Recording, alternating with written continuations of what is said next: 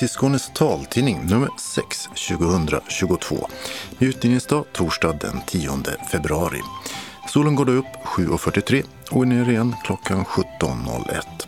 Och det är nästan två och en halv timme mer ljus sedan vintersolståndet. I olika studior sitter Mats Sundling och Dodo Parkas och fjärrtekniker är Martin Holmström. Medan det här är innehållet. Nu försvinner nästan alla coronarestriktioner. Smittspridningen är fortfarande stor, men det värsta är nu över, enligt regeringen. Ja, efter två år med restriktioner försvinner de flesta. Vi hörde med några av taltidningens läsare om hur de tog emot beskedet. Och reaktionerna var blandade. Jag tycker det är för tidigt. Jag tycker inte vi är där än. Vi har för hög smittspridning. Skånetrafiken borde sluta neka synskadade färdtjänst i väntan på ett politiskt beslut, det säger regionpolitiker. Men beslutet dröjer.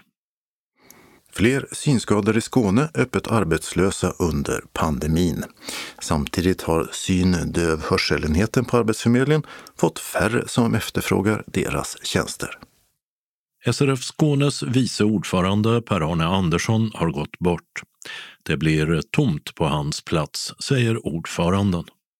Oöverskådlig appvärld kanske lite lättare att navigera i med den nya hemsidan Apoteket. Öppnat och stängt så med barer och burgarhak. Evenemangstips med taktil konst och syntolkad bio. Och kalendern med Harriet, helgon och hjärtan. Anslagstavlan med regionala och lokala meddelanden samt ändringar i kollektivtrafiken. Idag delar norra Skåne tavla med mellersta och sydöstra. Och allra sist redaktionsrutan.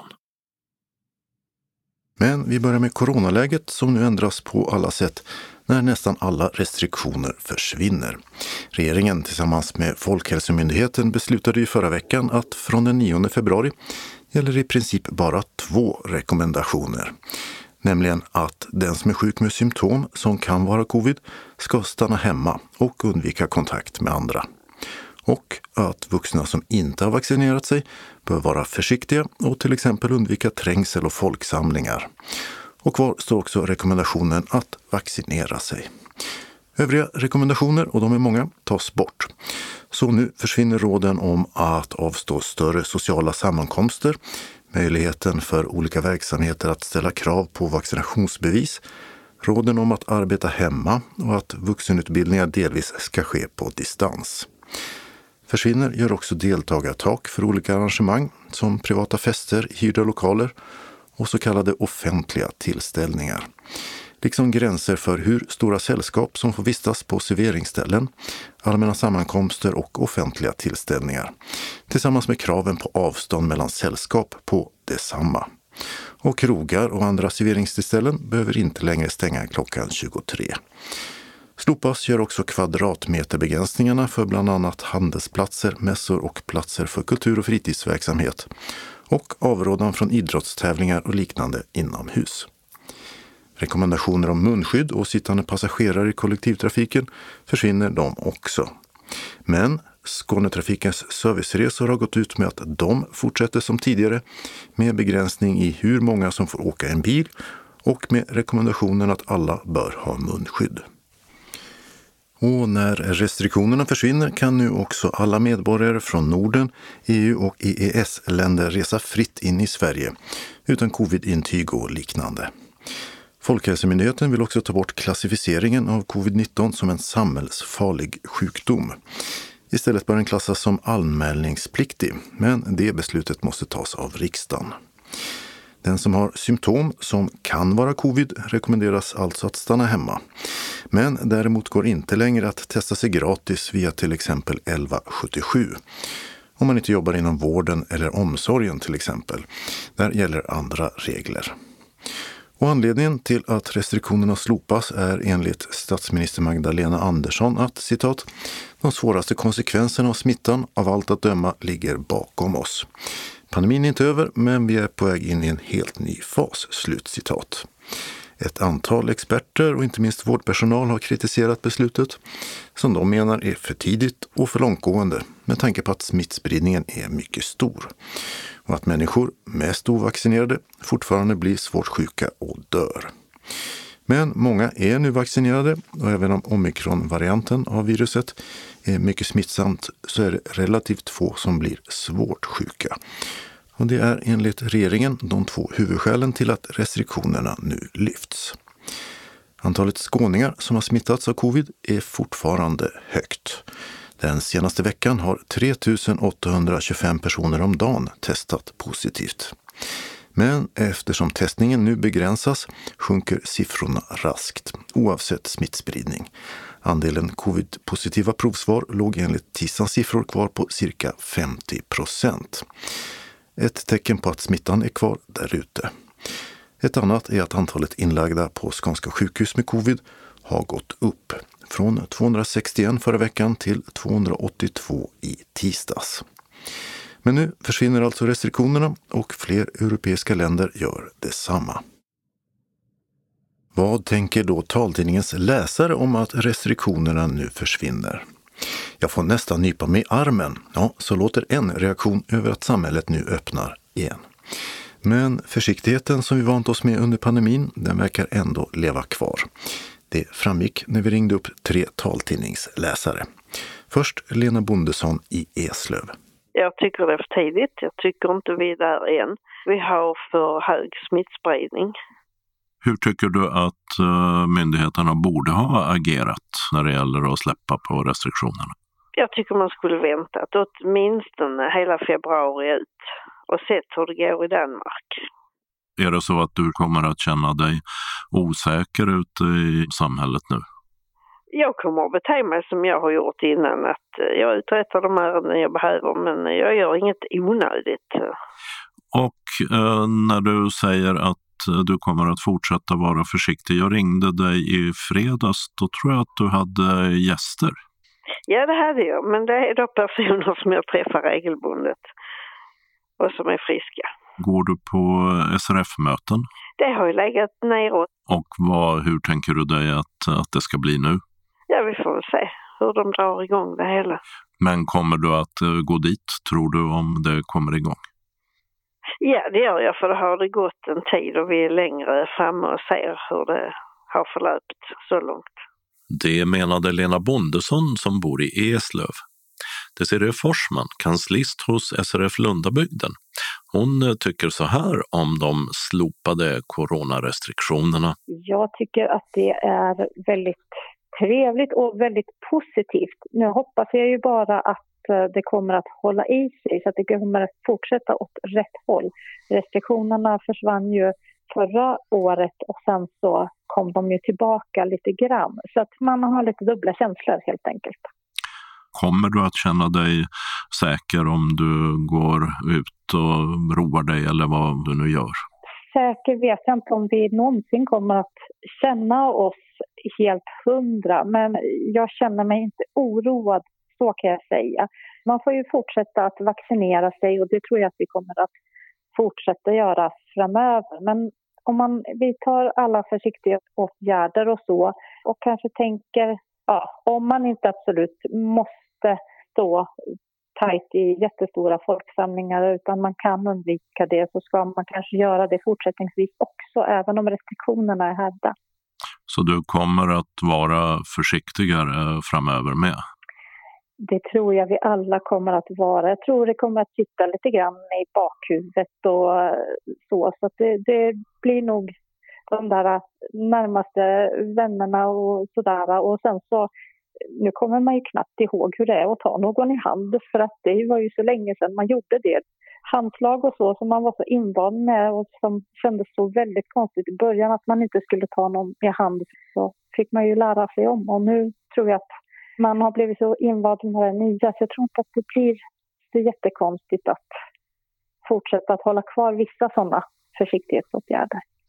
Och eh, för eh, föreningen eh, SRF Lundabygden kommer slopandet av restriktionerna att spela någon roll för er att förändra någonting? Ja, det förändrar enormt mycket för vår del. För att så sent som i förra veckan så hade ju vi fullt planerat att ha vårt årsmöte då via Teams på distans.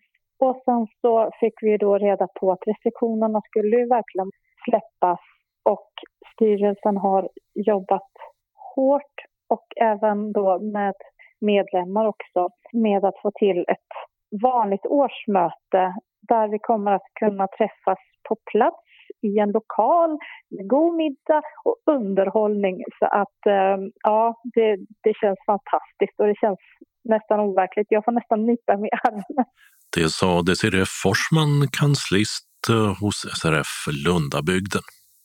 Och så ytterligare en röst, Marette Kann i Hör, som känner viss tveksamhet när det gäller slopandet av eh, coronarestriktionerna. Jag tycker det här verkar lite, det är ju inte för tidigt, men det verkar som om man släpper allting på en gång.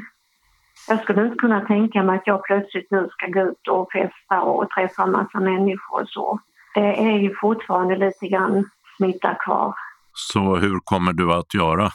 Jag kommer nog att uppträda lite grann som jag har gjort hela de här två åren. Att jag håller mig lite grann utanför. Eh, jag trivs så bra med det. Jag har vant mig det. Jag är, lever ensam och jag har inte haft några problem med att var vara begränsad på något sätt. Jag har varit ute och handlat själv med munskydd och, och allt vad det var i början. Och eh, sen har jag, går jag och promenerar och läser mina böcker och lyssnar på dem. Och det har blivit en vana för mig att leva som jag gör idag.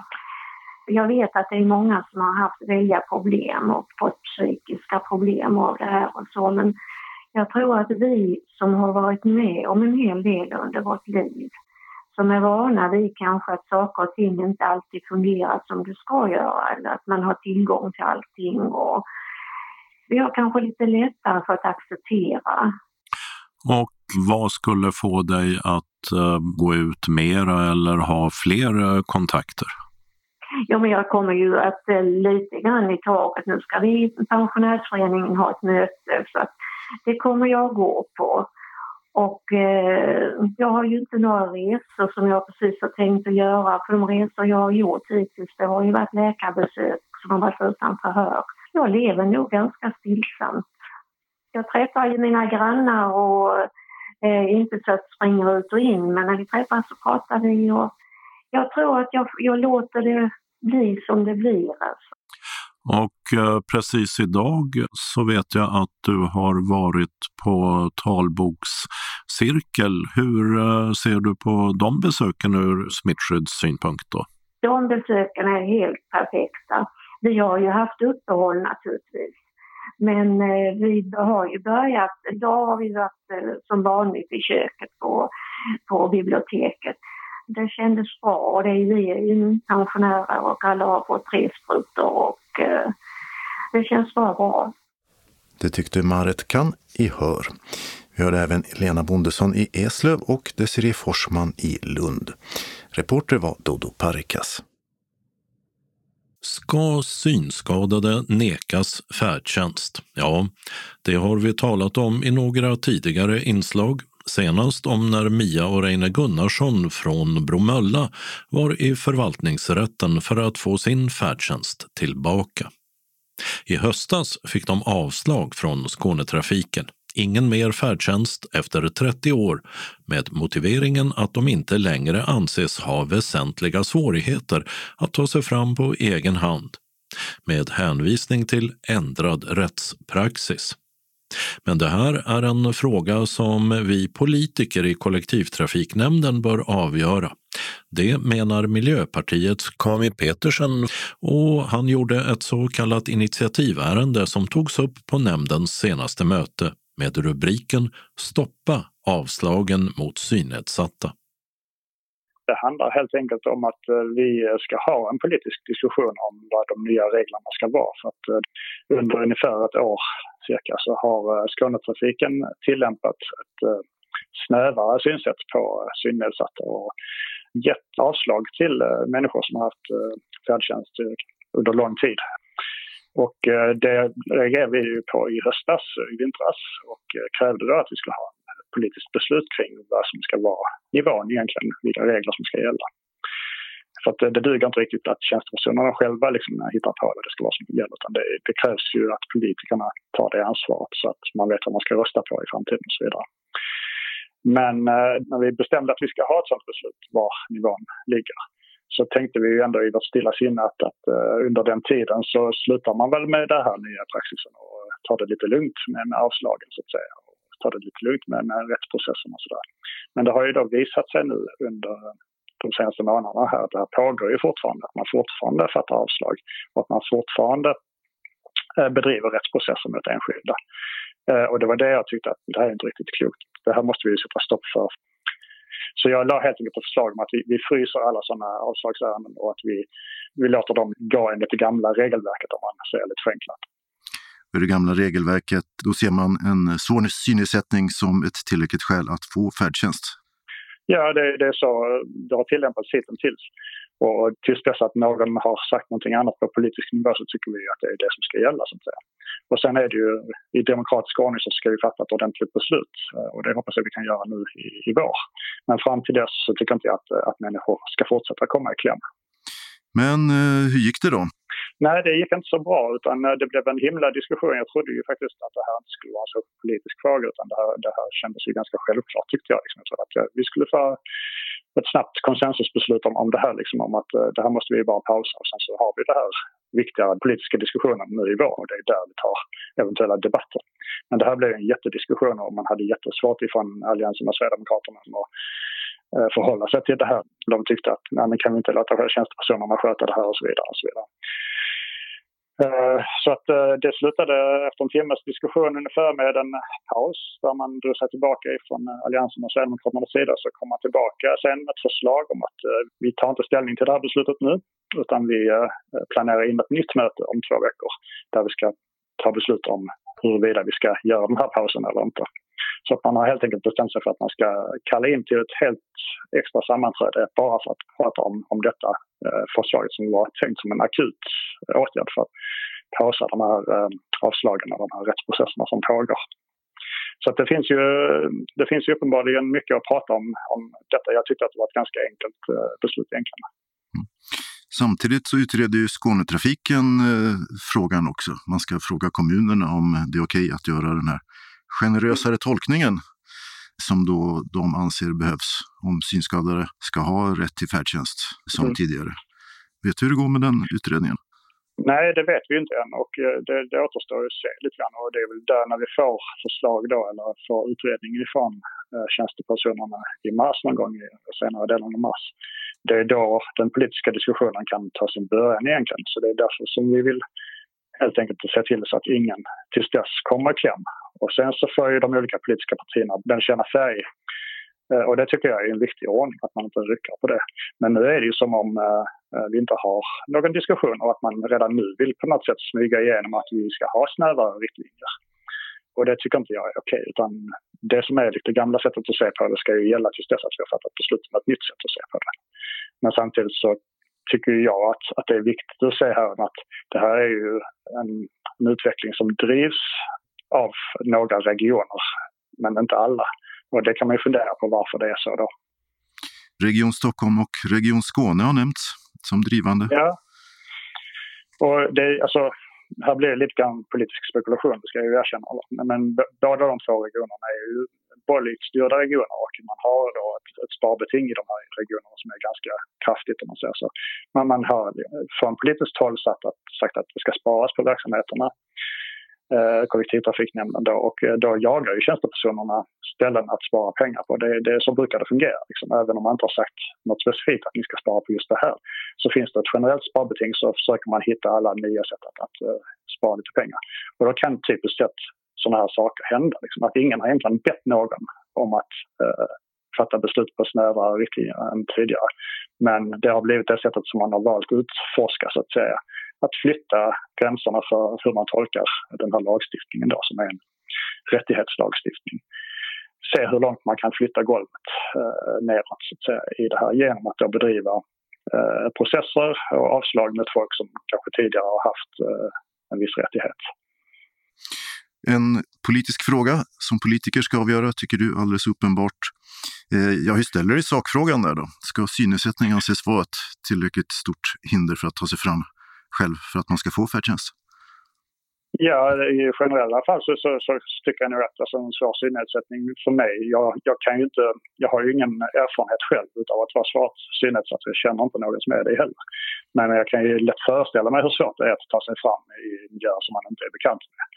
Eh, så att min, min ingång är ju att det här verkar ju helt orimligt att man skulle göra några större ändringar i det här eh, regelverket.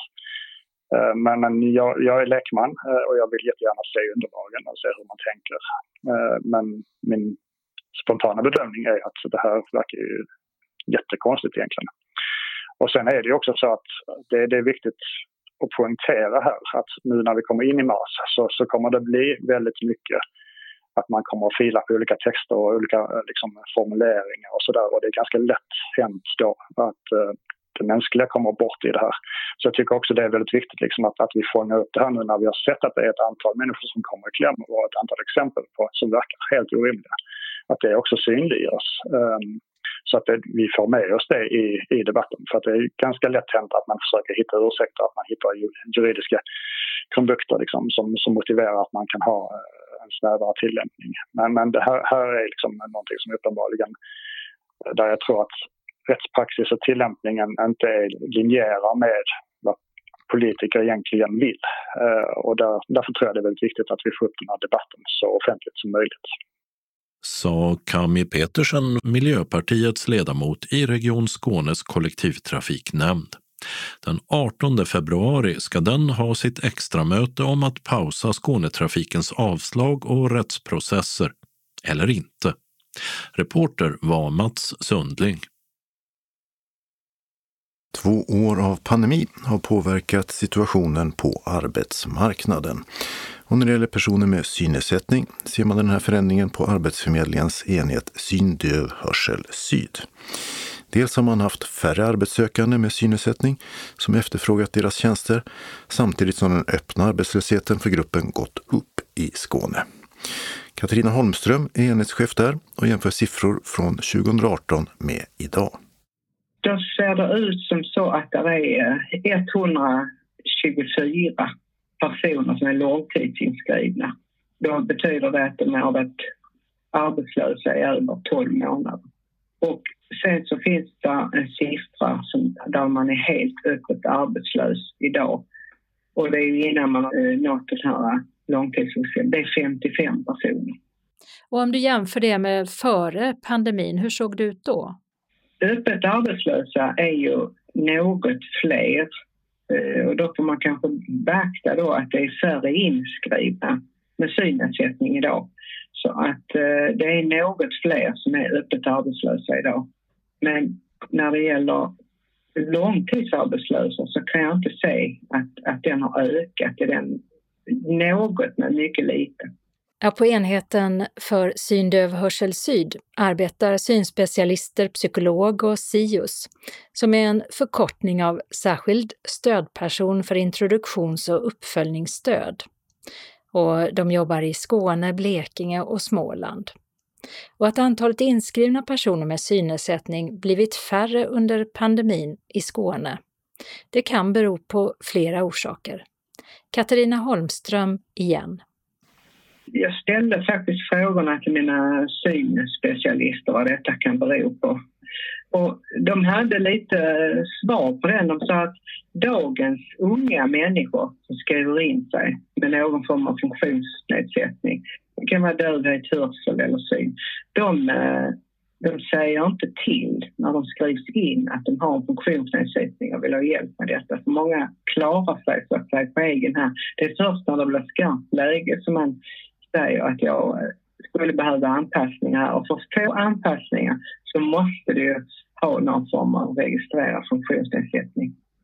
Så det, det, kan vara en del. Det kan också vara kanske att det är vi som missar att ställa de här frågorna eftersom vi har haft mycket digitala inskrivningar och snabba eh, digitala möten och det har inte varit så optimalt för personer att delta i dem med synnedsättning eller hörsel eller dövhet för den delen.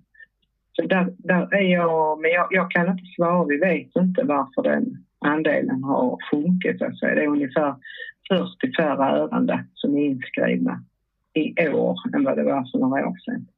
Ja, ett knappt år före coronapandemin började, då kom beslutet om att lägga ner merparten av Arbetsförmedlingens kontor i Skåne. Endast ett fåtal blev kvar. Och det här var en omställning som också påverkade situationen för arbetssökande med synnedsättning. På varje ort där vi har lagt ner så har det funnits eh, Statens servicecenters kontor som har tagit emot. Men det kan jag nog säga, det är inte det mest optimala. Men eh, tack vare att vi har den här organisationen med syndöv hörsel, där det finns synspecialister, audionomer och dövkonsulenter så har de ju varit tillgängliga för de här personerna och kunnat haft möten. I det fall där det har gått via videomöte och annat. Och det har ju fungerat och man har prövat eh, i den här tekniken och i många fall har det gått bra. Men om man ska på ett, på ett besök för att lämna aktivitetsrapporter eller annat så har vi ju förstått att det har inte varit så roligt för de här individerna. Dels har de inte hittat till Arbetsförmedlingen, de har gått till Arbetsförmedlingens kontor och sett att det är stängt. Och för övrigt så tycker jag att det har varit ett gott mottagande. Jag kan inte säga att vi har missat att vi, vi har inga köer utan man har kommit till. Om man har efterfrågat våra tjänster så har man också fått ta del av dem. Och ett sätt för att få kontakt med fler arbetssökanden som kanske har hamnat mellan stolarna, det är också att bli mer synliga på Arbetsförmedlingens hemsida och att den har gjorts mer tillgänglig. Vi ska synas mycket bättre på vår hemsida nu och förhoppningsvis eh, eh, är den mycket mer tillgänglig än vad den har varit och den kommer att bli än mer tillgänglig. Och då tänker jag att då ser de sökande som skriver in sig vilken typ av hjälp och stöd man kan få. Och då finns ju vi, Sida Hörsel, syns ganska tydligt att det är den här hjälpen du kan få. På vilket sätt har hemsidan blivit mer tillgänglig? Dels att man kan så via sina egna hjälpmedel komma åt hemsidan och se. Man har liksom inte kunnat se vissa sidor optimalt utifrån sina hjälpmedelsprogram. Och detta har man ju naturligtvis jobbat med jättehårt för att detta ska kunna bli enklare att tyda. Och det har man fått väldigt stor kritik för också, att de inte är kompatibla, programmen med, eh, med vår hemsida. Men det ska vara avhjälpt nu. Men det har ju varit en lång period där de inte har varit det. Och eh, då har vi ju försökt slussa och hjälpa till så gott det går.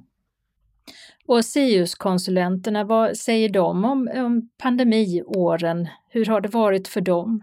Det de har sagt nu det är ju att det, det är svårare att få ut personer med synnedsättning för att eh, eh, dels att man jobbar hemifrån och man behöver för att komma in i ett arbete och vara på sin arbetsplats och ha sina anpassningar där.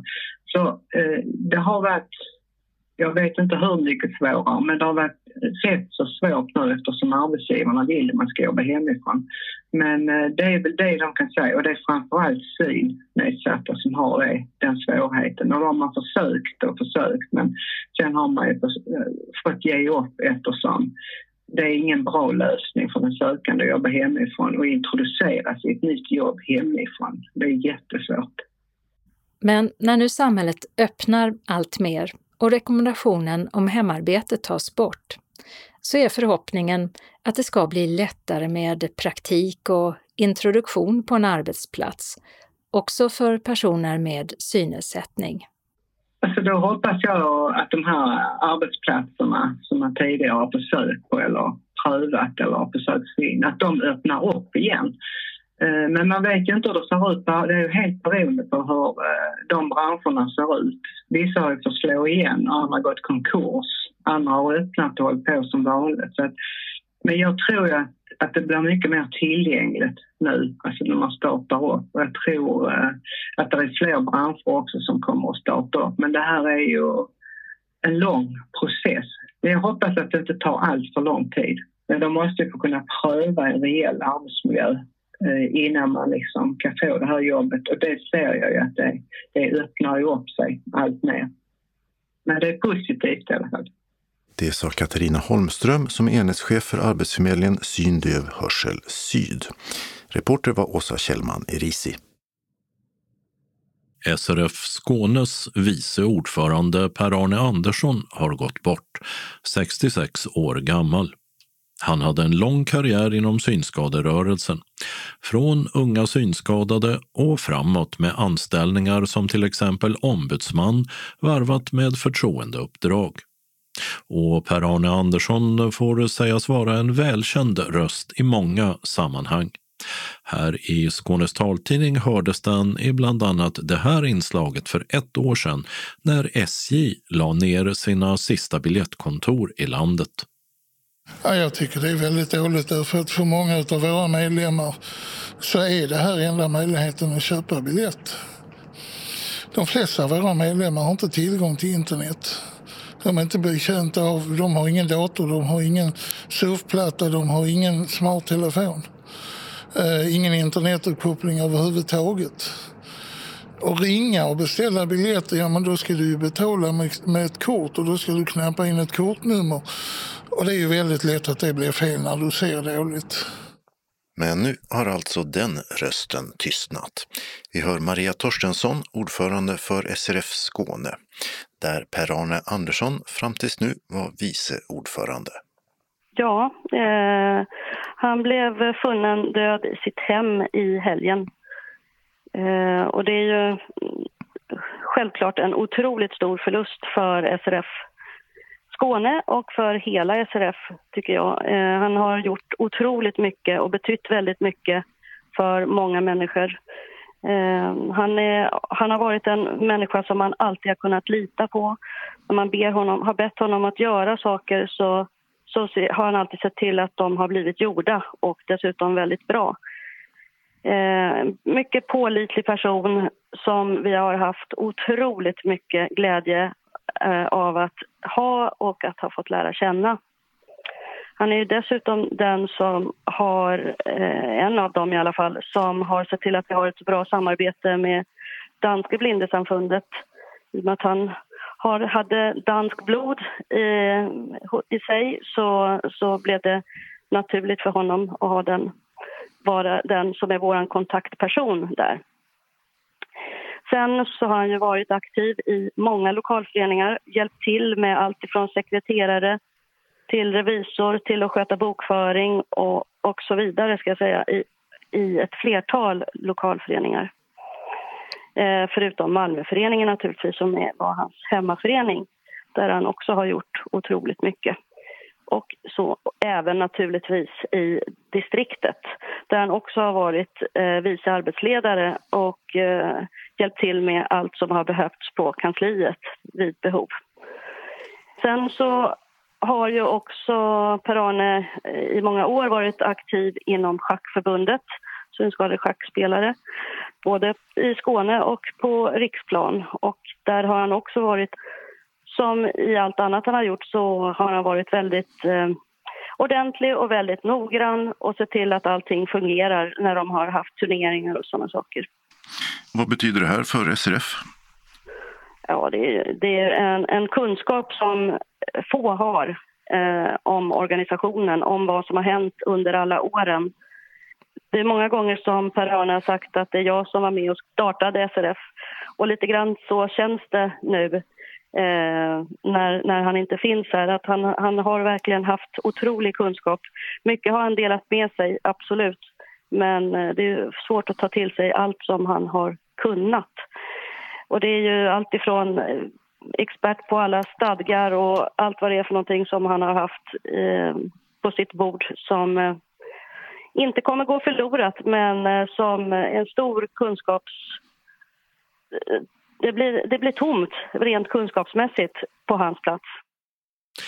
Det sa SRF Skånes ordförande Maria Torstensson om Per-Arne Andersson som alltså avled för en dryg vecka sedan, 66 år gammal. Reporter var Mats Sundling. Var ska en app finnas? Om inte på apoteket. Fast då måste förstås ordet stavas med två p. Ett sådant apotek finns nu på nätet, och har tagits fram av Malmö stad. På en hemsida har man samlat länkar till appar som kan vara till nytta för den som har en funktionsnedsättning. Och kanske framförallt för personer som arbetar med eller finns i närheten av dem. Till exempel på särskilda boenden, där personalen kan stödja boende med att hitta och lära sig använda appar. Fabian Roslund är projektledare för Apoteket och han menar att behovet av ett urval är stort eftersom mängder appar är oöverskådlig. Av de här apparna så finns det jättemånga som skulle kunna vara användbara för människor som har olika typer av funktionsnedsättningar, synnedsättningar, om man är döv eller om man har en kognitiv nedsättning. Men problemet är att de här apparna sällan når de människorna som behöver dem för att det finns lite kunskap om dem. Därför har vi samlat de här apparna på www.apoteket.nu med 2p och tillgängliggjort dem egentligen genom att lägga dem i olika kategorier. Så vi har olika kognitiva kategorier såsom minne och mående och sömn och sen så kommunikativa appar och vi har appar som är riktade till specifika målgrupper såsom kanske om man har ADHD eller har en synnedsättning eller problem med, med psykisk hälsa. Så det är det apoteket är. Det är en hemsida som har samlat appar och digitala stöd som vi tror skulle kunna vara bra och uh, tillgängliggjort dem då. Vem är den primära målgruppen? Är det de som eh, förväntas kunna använda de här och ha nytta av det eller är det personer runt omkring? Apparna är tänkta för de som har behov av att använda dem. Men hemsidan Apoteket har vi i första hand utvecklat för personal och för människor som är i närheten av människor som har behov. Och det är för att har jag en intellektuell funktionsnedsättning, har massa behov som teknik skulle kunna möta, så kanske jag inte får veta vad som finns för någonting för att varken jag eller min omgivning vet om att det finns. Så då är tanken så att genom att utbilda personalen i vilken hjälp finns att få så tror vi att vi kan nå ut till flest. Har du någon eh, bild av hur pass stor nytta det har gjort? Från det att hemsidan i november så har vi haft nästan 4 000 individuella besökare. Och hur de har klickat sig runt tyder på att det har kommit till nytta. Men exakt hur, det vet vi liksom inte riktigt. Vi har några praktiska fall från Malmö under utvecklingen. Men sen lansering så är det lite upp till våra användare att skapa värdet från informationen som vi erbjuder. Och en av de möjliga användargrupperna är personer med synnedsättning.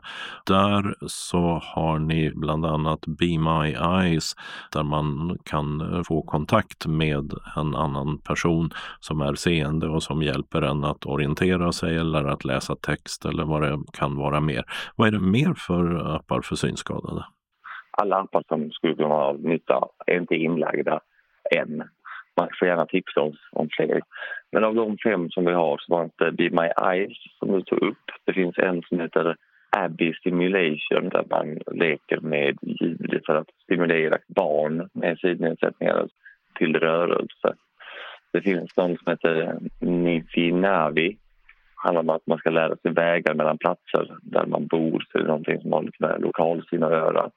Det finns en app som heter Shoppinglista röststyrning där man kan skapa inköpslistor med rösten istället för tangentbordet. Och så finns det en som heter eh, Voice Assistant där man kan skriva sms, e-post eller chatta med rösten. Det sa Fabian Roslund, projektledare för Apoteket, som alltså skrivs med 2P. Henrik Eld, ombudsman på SRF Skåne, har kollat i Apoteket och han tycker idén är bra. Jag tycker att det är ett bra initiativ. Jag tänker mig att det är en databas för personal som är till stöd för personer med funktionsnedsättning. Daglig verksamhet, särskilt boende och så vidare. Och då är det ju eh, bra med en eh, samling med tips på appar som är, till gagn för olika funktionsnedsättningar. Och eh, urvalet här med bland annat Be My Eyes, vad tycker du om det? Nu är det ju massor med kategorier med olika funktionsnedsättning och går man in under synnedsättning så finns där eh, ganska få förslag på appar, bland annat som du säger Be My Eyes. Men det finns ju många fler. Det finns ju till exempel Seeing AI och Soundscape är ju väldigt spridda och använda bland synskadade. Sen tycker jag också att man saknar en eh, beskrivning av talkback och voiceover. I och med att detta vänder sig till eh, stödpersoner så behöver de ju veta hur använder man som synskadad en telefon när man inte ser. Aha, man måste aktivera voiceover i iPhone eller talkback i Android och det finns inlagt i dem så att man kan aktivera det. Så den berättelsen behöver man också ha där. Tycker du att Eh, de som gör den eller som står bakom borde ha hört av sig till eh, er på SRF och kollat upp? Ja, kanske. Vi ser ju att det saknas lite så då hade det kanske varit bra med en kontakt med SRF. Hur eh, mycket kommer ni i kontakt med omsorgen och eh, personer som har kanske även andra funktionsnedsättningar och kanske bor i särskilt boende och har en synskada? Hur mycket har ni kontakt med eh, den delen av synskadevärlden? Alltså det är ju inte något som vi har någon uppsökande verksamhet eh, utan det är ju om vi kommer i kontakt med det via någon som blir medlem i Synskadades riksförbund. Och sen eh, kan man väl säga också att vi arbetar intressepolitiskt med frågan om eh, syn och hörselinstruktörer. Och då har vi ju väldigt mycket kontakt med omsorgen i kommunen som vi försöker påverka. Och pratar en hel del om stödet kring särskilt boende och daglig verksamhet och så. Har du någon uppfattning om hur många personer det kan finnas där ute som ser dåligt eller inte alls och eh, bor till exempel på, på särskilt boende eller har väldigt mycket stöd från eh, hemtjänst och annat? Nej, jag har inga siffror på det. Det är inte så mycket ni kommer i kontakt med, med gruppen helt enkelt? Nej, det, det, är ju inte det och eh, jag tror inte att den är så jättestor. Särskilt boende eh, blir ju aktuellt i vissa fall på grund av ålder i kombination med synskada. Men det är ju ingen som får plats på särskilt boende bara på grund av synnedsättning. Det sa Henrik Eld, ombudsman vid SRF Skåne.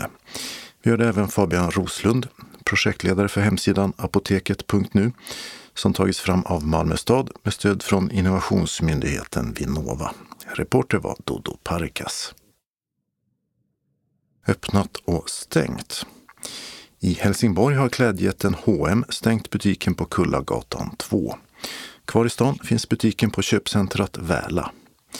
I Lund har baren och restaurangen Färgstarkt stängt efter drygt två år på Stora Södergatan 8 i en lokal där det tidigare funnits ett färgeri och väveri.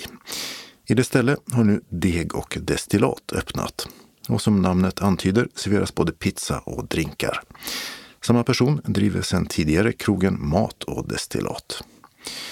I Eslöv har hamburgerjätten McDonalds stängt efter två decennier på Vikhemsvägen. Kedjan, som var bland de första att servera amerikanska burgare i Sverige, har på senare år fått hård konkurrens och har stängt en rad restauranger i centrala stadslägen. Och apropå det, i Slottsstaden i Malmö har krogen Charlies Burgers stängt efter fem år på Tärningsholmsgatan 3B. Men burgare blir det även i fortsättningen. Den göteborgska burgarkedjan Diné Burgers har öppnat i dess ställe. Och det är deras andra restaurang i Skåne. Sen tidigare har de en i Helsingborg. Där på adressen Kyrkogatan 12. I köpcentrat Triangeln i Malmö har elektronikkedjan Elon öppnat en liten butik på bottenplanet med främst mobiler och deras tillbehör i sortimentet. I Malmö har Laga Mobilen, vars namn beskriver verksamheten, stängt butiken på Stora Nygatan 53. Den på köpcentrat Mobilia finns kvar. I Kristianstad har restaurang och café Innergården kastat in handduken. I lokalen på Västra Storgatan 22 har istället den japanska restaurangen Sushimaki öppnat. I Brösarp finns någon månad tillbaka foodtrucken Libanesiska köket vid ICA. Den har tidigare stått i Kivik och serverar just libanesisk mat med en smak av italienskt. Öppettider torsdag till lördag en tid framöver för att sen, som de planerar, utöka till fler dagar. Evenemangstips och vi börjar med att konstatera att eftersom coronarestriktionerna när det gäller sammankomster med publik slopats så kan teatrar, konsertarrangörer och så vidare släppa fler biljetter och sluta att kolla vaccinationsbevis. Och så har en ny svensk film av regissören Sanna Länken fått syntolkning för biobruk. Det är Comedy Queen efter Jenny Jägerfelds bok med samma namn. Filmen handlar om 12-åriga Sasha som vill bli ståuppkomiker och så rolig att hon kan få alla att skratta. För då kanske allt som är jobbigt försvinner. Som att hennes mamma är död och att pappa bara gråter. Premiär fredag 11 februari. På Formdesign Center i Hedmanska gården vid Lilla Torg i Malmö öppnar nu på lördag den 12 februari en taktil konstutställning av den brittiska konstnären Laura Blake med lekfulla och abstrakta landskap designade för att vidröras. Konstverken består av snidat trä och broderi i kombination. Inspiration och färgpalett hämtas från naturen och upplevelser under vandringar i Spanien och i Dalslands skogar. Laura Blake är nämligen verksam i Dals Långed och hon utgår ifrån att om publiken får känna på verken så kan det citat erbjuda alternativa insikter i hur något gjorts och av vilket material. Att få röra i motsats till att bara se kan leda till mer inkluderande konst och hantverksutställningar. Och att ta i, lyssna till och dofta på ger också inkluderande verk som kan upplevas oavsett fysiska och kognitiva variationer. Det är fri entré och utställningen som heter First and Last är kvar till och med 27 mars.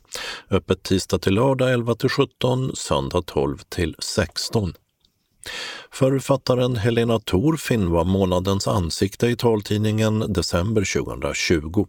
Den 15 februari mellan 19 och 20.00 talar hon om Myanmar eller Burma utifrån bland annat sin senaste bok I munkens skugga.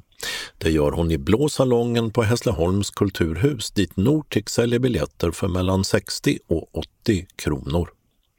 Den 17 februari är det soppteaterkonsert på Helsingborgs stadsteaters foajéscen med gruppen Märk väl som bjuder på Cornelis Vreeswijks osjungna sånger från sitt album En skog som är tom med tonsättningar av just tidigare osjungna texter av Cornelis. Dessutom utlovas en rad klassiska Cornelis-sånger. Och den 24 februari intar skådespelaren Lars Wik scenen i trekvart för att framföra Harry Martinsons rymdepos Anjara i en bearbetning av Helge Skog. Pris med soppa 180 kronor, utan sopplunch kostar det 90 kronor. 11.30 serveras soppan och 12.15 börjar evenemanget. På menyn den 17 står fransk löksoppa och den 24 sparrissoppa. Ett gästspel från Teater Halland med Jane Austens klassiker Stolthet och fördom, spelad av enbart män, ges på Lunds stadsteater den 17 februari 19.00. Biljetterna säljs av Ticketmaster och kostar 350 kronor. Stolthet och fördom skulle också ha spelats på Ystad teater 19 februari men den föreställningen är inställd. Och Eh, stolthet och fördom är inte syntolkad. Franz Schuberts Wanderer-fantasi samt hans F-moll-fantasi för fyra händer står på programmet när pianisterna Stina Backlund och Lars David Nilsson ger en konsert i Sankt Nikolai kyrka i Trelleborg söndag 20 februari. Den 6 mars på samma ställe heter programpunkten Så som ett öga. Det är ett samtal om ögonblick interfolierat med musik av eh, Johann Sebastian Bach, Arvo Pärt med flera. Medverkar då gör filmregissören Jan Troell och dokumentärfilmaren Tom Aland. Martin Arpåker spelar Ariel samt piano och Marika Fältskog violin. Och den 20 mars konserterar Fredrik Paulsson violin samt Lars David Nilsson orgel och piano. De framför Der Geigen de Eremit den spelande remiten av Max Reger samt stycken av Sibelius, Poulenc, Messiaen och Pert. Alla de här evenemangen i Sankt Nikolai kyrka i Trelleborg börjar 16.00 och det är gratis. Osby konsertförening står som arrangör för en serie musikevenemang nu i vår. Dansa med Bach eller Dancing with Bach är konserttema 20 februari klockan 16 med Duo Väst Rydvall, det vill säga Kristin West på flöjt och Erik Rydvall på nyckelharpa. Och det sker i Missionskyrkan, Västra Storgatan 24 i just Osby. Den 20 mars, samma klockslag 16.00, spelar Karl-Axel Dominik piano och John Ede cello. Programmet då heter Det vackraste, vilket bland annat innebär stycken av Astor Piazzolla, Emil Sjögren, Evard Grieg med flera. Den konserten äger rum i Musikskolans konsertsal i Osby. Medlemmar i konsertföreningen betalar 100 kronor, icke-medlemmar 150 för biljetterna. För mer information kontakta föreningens ordförande Irene Jönsson på 0760 17 18 38. Författaren Magnus Florin besöker Landskrona och berättar om ljusets och eldens litterära och kulturella historia. Om detta får den veta mer som söker sig till Landskrona stadsbibliotek 22 februari 18-19. Det är fri entré. Den 28 februari samma tid är temat På spaning i det historiska England. Då är det författarna Ylva och Peter Oskarsson som berättar om färgstarka personligheter, fängslande levnadsöden och vackra byggnader i England. Pris för den föreläsningen 40 kronor. Medlemmar i föreningen Bibliotekets vänner kommer då in gratis. Och 1 mars 18.30 till 19.30 ställs frågan Hur går det för Sveriges fåglar? Talar gör Martin Gren från Svensk fågeltaxering som håller koll på förändringar i de svenska fågelbeståndens storlek och hur de påverkas av klimatförändringar. Och det är fri entré den kvällen. Föranmälan till alla tre evenemangen görs på e-post biblioteketvuxen.program landskrona.se Telefon 0418 47 35 00. Adressen är Regeringsgatan 13 i Landskrona. Lunds operettsällskap spelar den komiska operetten Piraterna från Penzance den 25 och 26 februari 19 till 21.30 samt 27 februari 15.00 i Folkparkens Rotunda. Nortic säljer biljetter för mellan 200 och 250 kronor. Adressen är Trollebergsvägen 58 i Lund. Bandet Maritime Stompers, det vill säga Håkan Ekvall, Gunilla Iberer, Mårten Damm, Erik Berndalen och Bo Adamsson bjuder på en konsert med 1920 och tidig 1930-talsjazz 25 februari 19.30 till 22.30. Och den 11 mars, samma klockslag, uppträder danska Henning Munk och Plumpene. Platsen är restaurang Vega, Malmö museer, Slottsholmen. Adress Malmöhusvägen 6. Arrangör är Hot House Jazz Malmö. Biljetterna kostar mellan 100 och 200 kronor och det är e-post som gäller för bords och matbokning, nämligen jazzhothouse gmail.com. J-A-Z-Z-H-O-T-H-O-U-S-E. Frans Schubert igen. Hans Winterreise framförs i Hässleholms kyrka lördag 26 februari 16.00 till 17.00 av baritonen Johan Wollberg som ackompanjeras på piano av Benjamin Åberg. Det är fri entré. Författaren och läraren Bengt Liljegren föreläser på Lindängen-biblioteket i Malmö 10 mars 19.00 och en timme framåt. Temat är den 1963 mördade amerikanske presidenten John F Kennedy som Liljegren skrivit en bok om. Den heter också John F Kennedy, utkom förra året och är under produktion som talbok. Liljegren har också skrivit om Winston Churchill, svenska regenter, bandet Pink Floyd och om Karl XII i Lund och dessa böcker finns inlästa i talboksform. Det är fri entré till Kennedykvällen och bibliotekets adress är Munkhättegatan 170 i Lindängen, Malmö. Vi älskar dansbands skrivet med Z i slutet, precis som många dansbandsnamn är. Och det är en musikföreställning från Riksteatern som spelas på Revyteatern, Nybrovägen 5 i Ängelholm, 24 mars 19.00 till 20.15. Nostalgi möter nutid i det bästa från 60-talet till nu under vad som utlovas som en riktig feelgood-kväll med låtar som finns i svenska folkets hjärtan. Uppträder gör Anna Bromé. Pris 100 kronor för unga till 20 år, 160 för medlemmar i den lokala Riksteaterföreningen och 200 kronor för alla andra. Nortic säljer biljetterna och föreställningen är inte syntolkad. Biljettinformation Nortic telefon 0455 61 97 00 Helsingborgs stadsteater 042 10 68 10 och Ticketmaster 077 170 70 70. Kalendern för årets sjunde vecka tar sin början måndagen den 14 februari. Namnsdagsbarnet heter Valentin, vilket också betyder att det är alla hjärtans dag och en lämplig dag att visa sin uppskattning för nära och kära och förhoppningsvis bli uppskattad själv också. För övrigt är det osäkert vilken Valentin som firas denna dag eftersom det finns tre helgon med samma namn. Om en av dessa Valentin, eller Valentinus, finns en historia om att han ska ha utfört ett underverk som gav hans fångvaktares blinda dotter synen tillbaka. Men denne Valentin avrättades ändå detta datum år 269 under romerska förföljelser av kristna.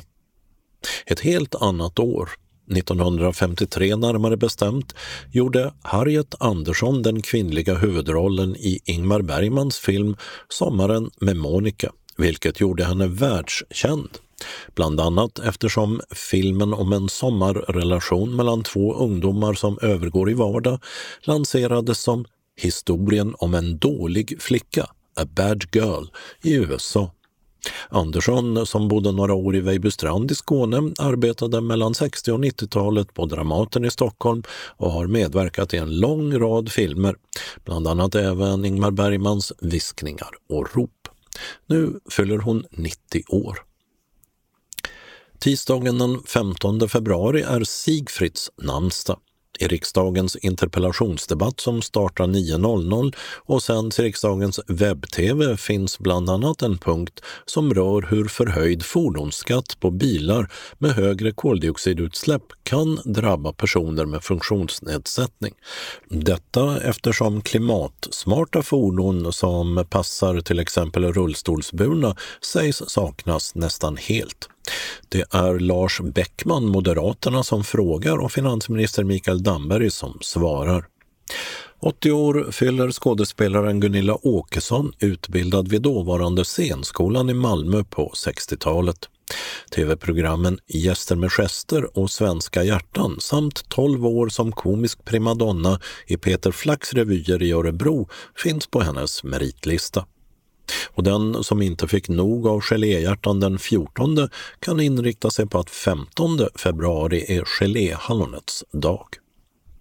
Onsdagen den 16 februari kan alla Julius och Julia fira namnsdag. Och medan kraftmätningen mellan Ryssland och västvärlden fortgår så presenterar utrikesminister Ann Linde den socialdemokratiska regeringens utrikespolitik i utrikesdeklarationen varpå det blir debatt i riksdagen. Start 9.00, sändning i riksdagens webb-tv. I Litauen där firas nationaldag eftersom den sydligaste av de tre baltstaterna förklarade sin självständighet från Ryssland detta datum 1918. Efter att ha ockuperats av Sovjetunionen under andra världskriget återfick landet sin självständighet 1990. 60 år har gått sedan örlogsskeppet Vasa kunde visas upp för publik på det trånga, blöta och provisoriska Vasavarvet på Djurgården i Stockholm, inte långt från platsen där fartyget sjönk under jungfruturen 1628. Men sedan 1990 ståtar Vasa i all sin prakt i ett eget museum. och via hemsidan vasamuseet.se kan man hitta en audioguide med 15 ljudspår att lyssna på inför, eller kanske istället för, ett fysiskt besök där. Torsdagen den 17 februari infaller Alexandras och Sandras namnsdag. Dessutom är det en av venastronomen Tycho Brahes många otursdagar. Fredagen den 18 februari är det Frida samt Fritjof som har namnsdag. Reformeringen av Arbetsförmedlingen kommer upp i en interpellationsdebatt i riksdagen där arbetsmarknadsminister Eva Nordmark ska svara på kritiska frågor från Vänsterpartiets Ali Esbati om bland annat privata aktörer som utförare av arbetsförmedlingsinsatser. Debatten börjar klockan nio och sänds även den i riksdagens webb-tv. Lördagen den 19 februari har Ella och Gabriella namnsdag och astrologiskt är detta den första dagen i fiskarnas tecken under det här året. Söndagen den 20 februari avslutas vinter-OS i Kina medan Vivian firar namnsdag här hemma. Den regionala delen av anslagstavlan börjar med att SRF Skånes valberedning hälsar alla medlemmar Hjälp oss att hitta kandidater. I april är det dags för årsmöte där det ska genomföras val till flera poster. Och nu vill vi i valberedningen ha hjälp att hitta lämpliga kandidater. Vi söker kandidater till styrelsen, en ordförande på ett år och tre ledamöter på två år. Styrelsen genomför den verksamhet som föreningens medlemmar beslutat om. De har också ansvar för föreningens ekonomi och för den personal som är anställd. Att sitta i styrelsen är både ett ansvarsfullt och hedrande uppdrag. Både som ordförande, då du ska leda styrelsens arbete, eller som ledamot, då du ska vara en del av gruppen som tar distriktets verksamhet framåt. I styrelsen får du möjlighet att utveckla distriktet och jobba med alla delar av verksamheten. Nuvarande ledamöter är Maria Torstensson, ordförande Gisela Cesar och Jan-Olof Asp. Deras mandat går ut vid årsmötet. Och en nu vakant plats efter vice ordföranden Per-Arne Andersson. Medan Anders Modell, Jon Ekström och Maj-Britt Ryman är valda för ett år till. Två verksamhetsrevisorer och en suppleant ska också väljas på ett år. De granskar styrelsens arbete och föreningens verksamhet för medlemmarnas räkning. Uppdraget ger en god inblick i verksamheten inom distriktet. Nuvarande revisorer är Hans Olin och Stig Larsson och suppleant är Christer H Persson. Tre ledamöter ska väljas på ett år till beredningsutskottet som ger förslag på valberedning. Nuvarande ledamöter är Bjarne Kristensen, sammankallande, Ulf Bergstrand och Andreas Vidén. En fördel är att du haft, eller har, uppdrag i lokalföreningen eller någon vana vid styrelseuppdrag i annan förening. Detta är dock inget krav. Känner du dig intresserad av att kandidera till någon post eller vet du någon annan lämplig kandidat? Hör i så fall av dig till e-post val srfskane.se eller till sammankallande Stina Bodil Andersson på telefon 0702 39 76 26. Vi vill veta namn, kontaktuppgifter och vilken eller vilka poster nomineringen gäller. Och om du vill nominera någon annan, kontrollera att personen vill ställa upp först. Motivera gärna varför du vill nominera den person som avses. För att underlätta vårt arbete inför årsmötet vill vi ha samtliga nomineringar till oss innan den 19 mars. Ju fler kandidater vi får in, desto bättre förutsättningar får vi att göra ett bra jobb. Så sprid budskapet till alla i föreningen. Så kan vi tillsammans fortsätta bygga ett distrikt att vara stolta över och som andra kommer att se på som inspiration. Till dig som kandiderar till styrelsen eftersom de föreningar som har lönebidragsanställda måste kontrollera att kandidaterna inte har näringsförbud eller skatteskulder kommer en sån kontroll att göras av SRF Skånes kansli. Detta är en förutsättning för att du ska bli valbar. Med vänliga hälsningar valberedningen genom Stina Bodil Andersson, sammankallande, och Britt-Marie Linné, Fredrik Andersson, Stig Larsson och Torbjörn Sjörén.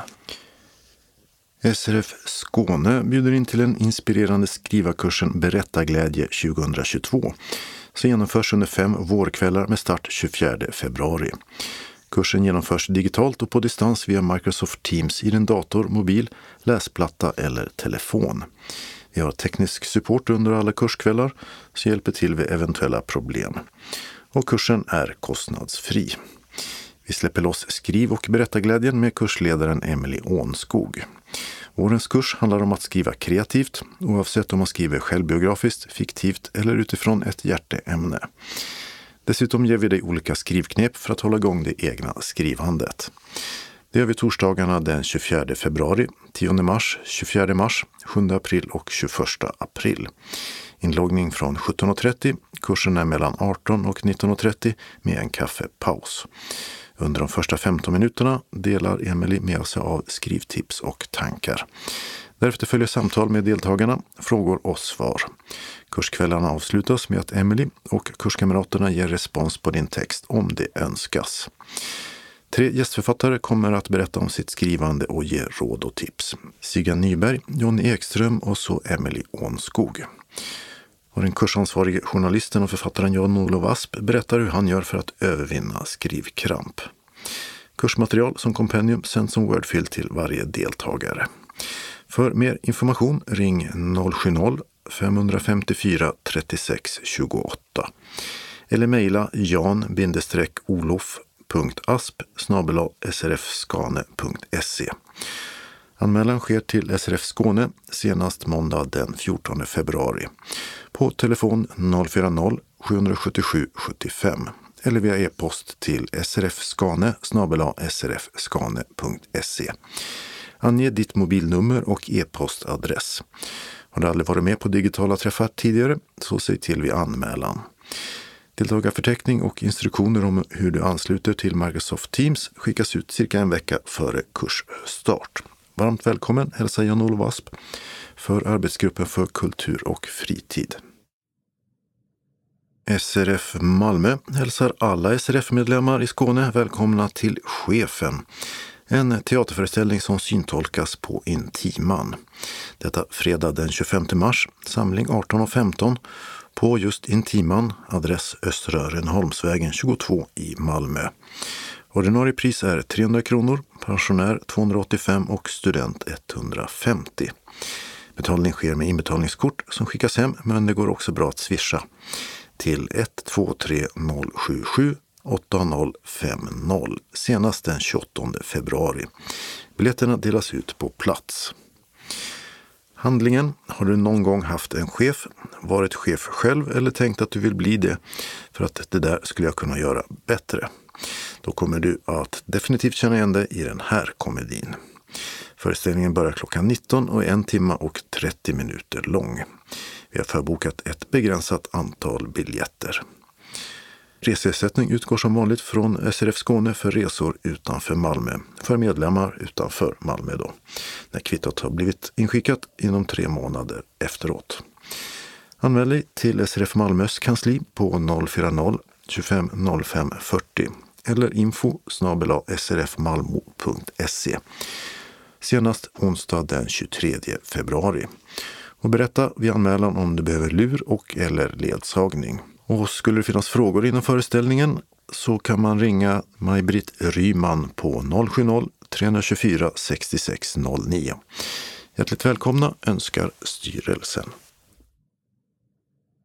Vi har några ändringar i den regionala kollektivtrafiken och vi börjar med att konstatera att Skånetrafiken öppnar framdörrarna på bussarna den 9 februari när coronarestriktionerna tas bort. Så nu ska det gå att köpa biljett hos chauffören igen, som tidigare. Och biljettläsarna där framme ska gå att använda igen. Och samtidigt försvinner rekommendationen att använda munskydd i rusningstid.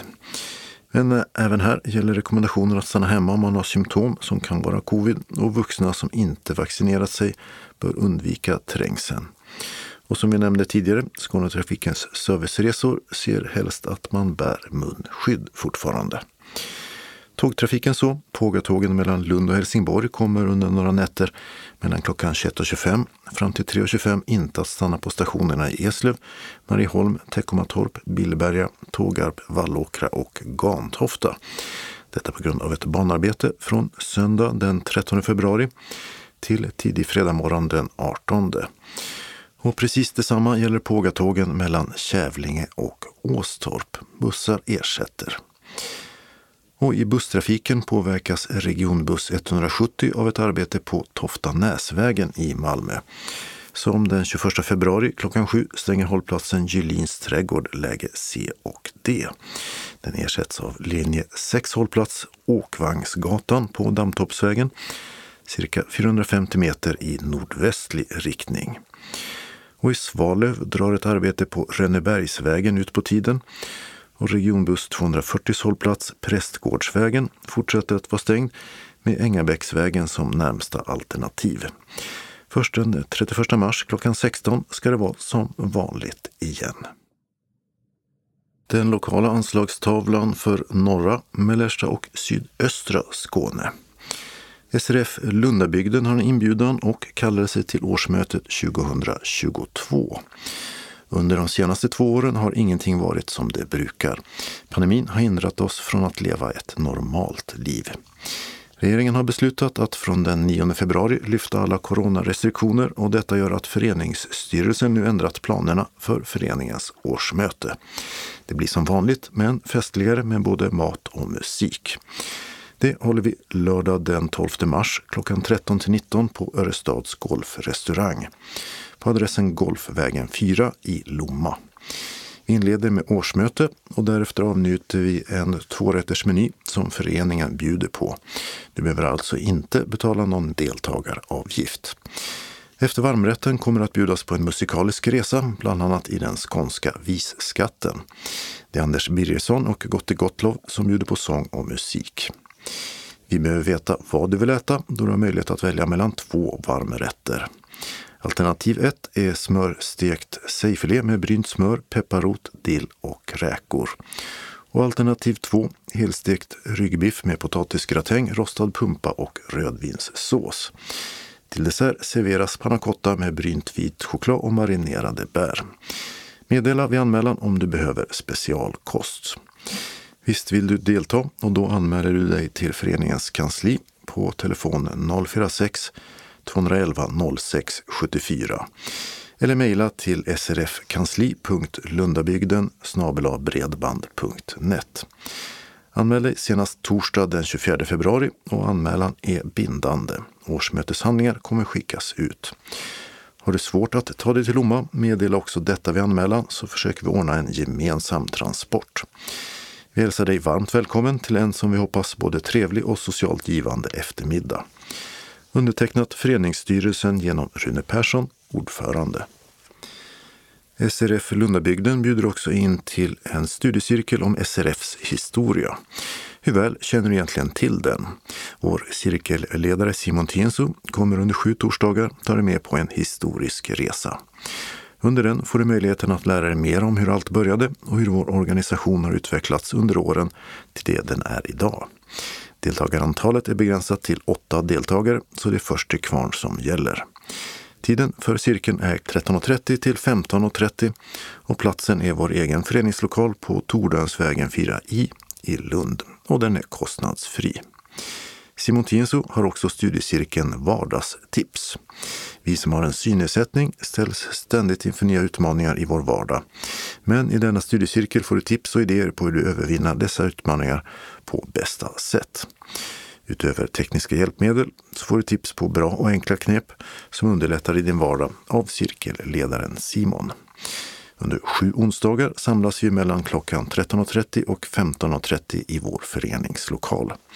Det finns även utrymme för att utbyta erfarenheter, tips och idéer med andra i liknande situation. Också denna cirkel är kostnadsfri. För bägge cirklarna gäller att den startar så snart vi är minst fem deltagare, så skynda dig med din anmälan. Vill du delta i en cirkel eller två så anmäler du dig till vårt kansli. SRF Lundabygden bjuder också in till sittgymnastik. Att träna och motionera ökar välmåendet och ger oss alla mer energi. Så varför inte börja med sittgymnastik? Vardag i balans. Vi startar upp året med en grupp på max åtta personer i föreningslokalen. Och det krävs även här att vi blir minst fem deltagare. Vi har förhoppningen om att kunna starta den 17 februari klockan 11 till 11.45. Efter gymnastikpassen bjuds det på fika. Deltagaravgiften är här 400 kronor för 10 gånger. Och du anmäler dig till kansliet på 046 211 06 74. SRF Norra Skåne har ett meddelande om föreningsmöte och årsmöte.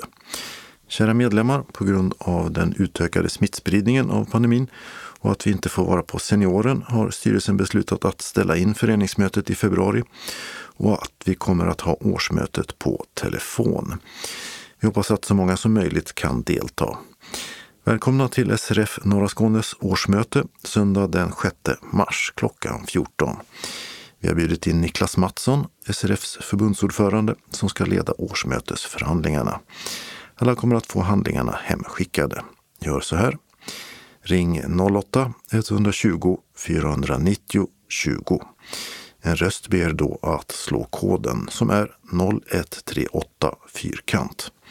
Anmäl dig senast den 28 februari till Anna-Lena Pekkele, mobil 070-36 647 eller e-posta till alp.ledarhund gmail.com. Styrelsen hälsar alla hjärtligt välkomna och vi önskar att kunna mötas igen till våren. Undertecknat Anna-Lena Pekkele, ordförande. Till medlemmarna i SRF Ringsjöbygden. Vi har fått ändra datum till årsmötet. Det blir lördag den 19 mars på Karidar i Eslöv klockan 13 till 16. Anmälan till Birgitta senast den 11 mars på telefonen 0413 54 13 33 eller 070-550 32 61. SRF Sydöstra Skåne kallar lokalföreningens medlemmar till årsmöte lördag den 19 mars klockan 13 till 17. Platsen är Österlenkryddor på adressen Karlsfältsvägen 363 i Köpingebro. Vi inleder med att äta en varmrätt. Efter mötesförhandlingarna serveras kaffe eller te med kaka. Hela aktiviteten är kostnadsfri. Medlemmar får som vanligt sina reskostnader ersatta mot kopia på färdtjänstfaktura. Senast tre månader efter årsmötet. Din anmälan som är bindande vill vi ha senast söndag den 13 mars. Till Jonny Ekström, telefon 0739 09 3945 eller mejla till luttas och en etta snabel gmail.com eller Vicky Svedrell 0708 37 53 58. När du anmäler dig vill vi att du talar om ifall du behöver särskild kost eller har något annat önskemål som vi bör ta hänsyn till. Vill du ha årsmöteshandlingar skickade till dig i förväg, kontakta snarast vårt ordförande på ovanstående nummer. Varmt välkommen hälsar styrelsen. Den lokala delen av anslagstavlan för sydvästra Skåne börjar med att SRF Malmö Svedala välkomnar till sin dagverksamhet. Måndag den 14 februari klockan 13 till 15 blir det tidningsläsning och eller frågesport. Och på tisdag blir det 13 till 15.15 15, bingo.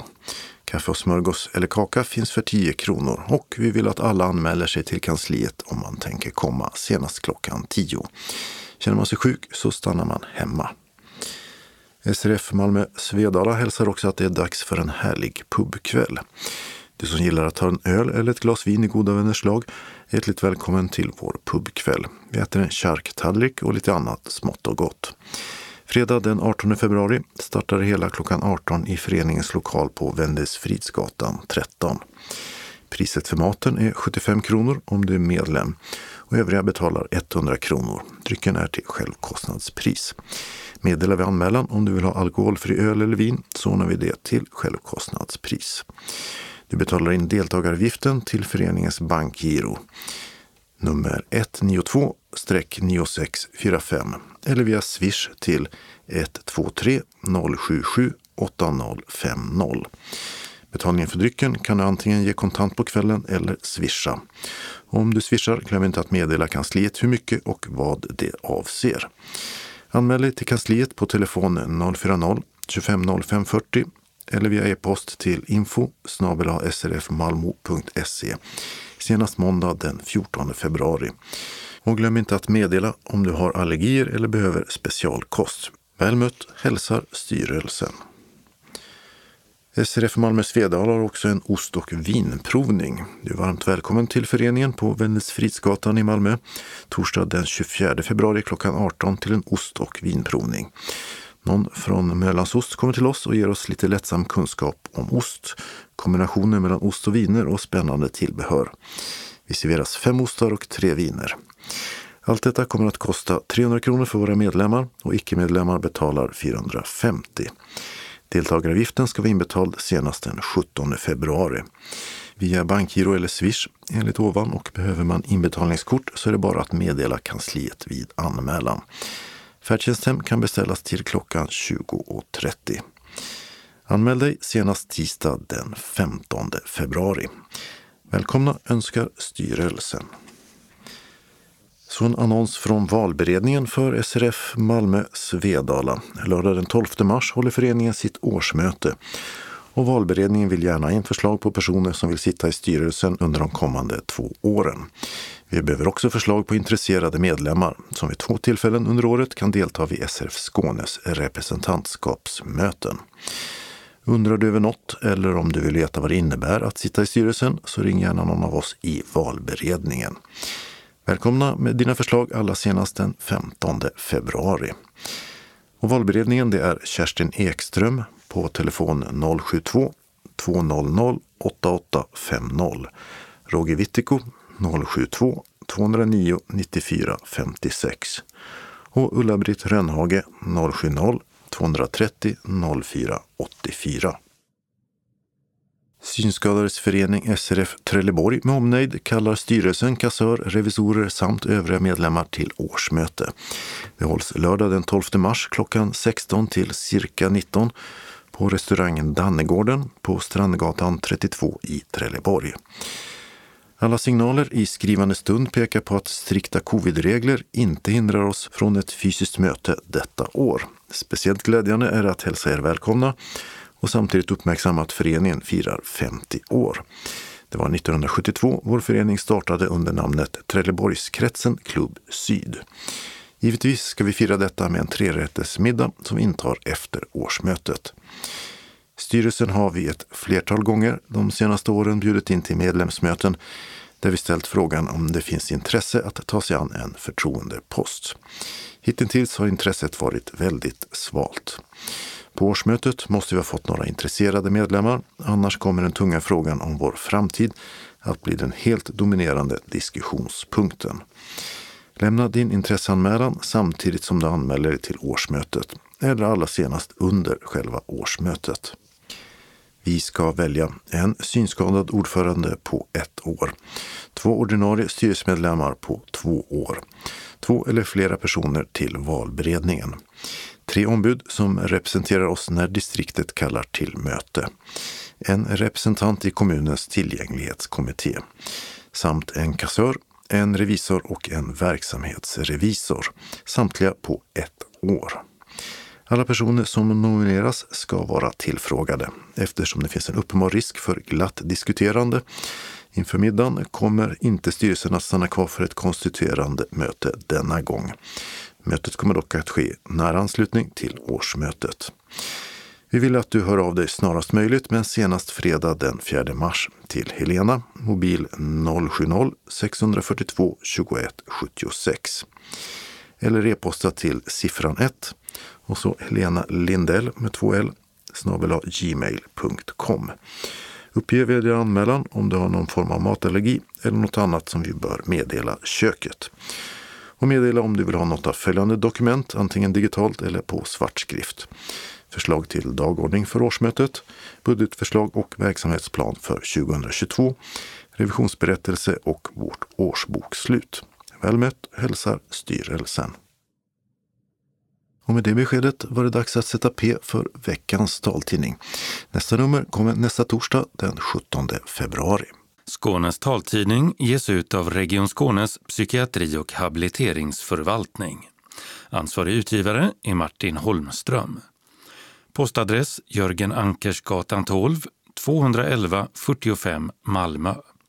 Telefon 040-673 09 70. E-post Skanes taltidning snabela skane.se och hemsida skanestaltidning.se. Observera att CD-skivorna inte ska skickas tillbaka till oss. Såväl skivor som kuvert kan läggas i brännbara sopor när ni inte längre vill ha dem. Vi hörs igen. Hej då!